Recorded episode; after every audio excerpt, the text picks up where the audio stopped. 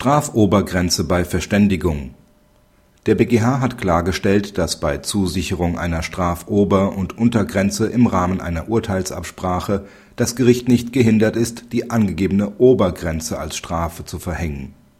Im Rahmen einer Verständigung nach § 257c StPO kann das Gericht nach Absatz 3 Satz 2 dieser Vorschrift auch eine Strafunter und Obergrenze angeben.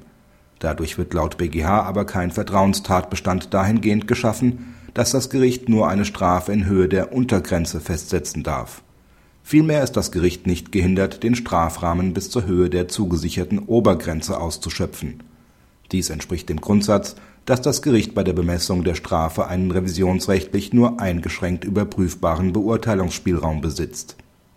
Praxishinweis in der Literatur wird teilweise befürwortet, dass entgegen dem Gesetzeswortlaut in der Praxis doch Punktstrafen zugesichert werden, deren Höhe dann der offiziell zugesagten Strafrahmenuntergrenze entspricht. Denn es sei nicht recht einsichtig, warum man sich über eine Obergrenze einigen sollte, wenn doch die Untergrenze von allen auch für noch ausreichend angesehen werde.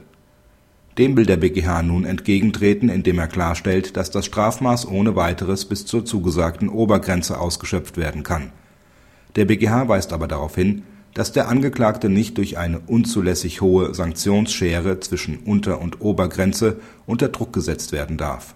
Leider konkretisiert er nicht näher, ab wann ein solches unzulässig breites Sanktionsspektrum anzunehmen ist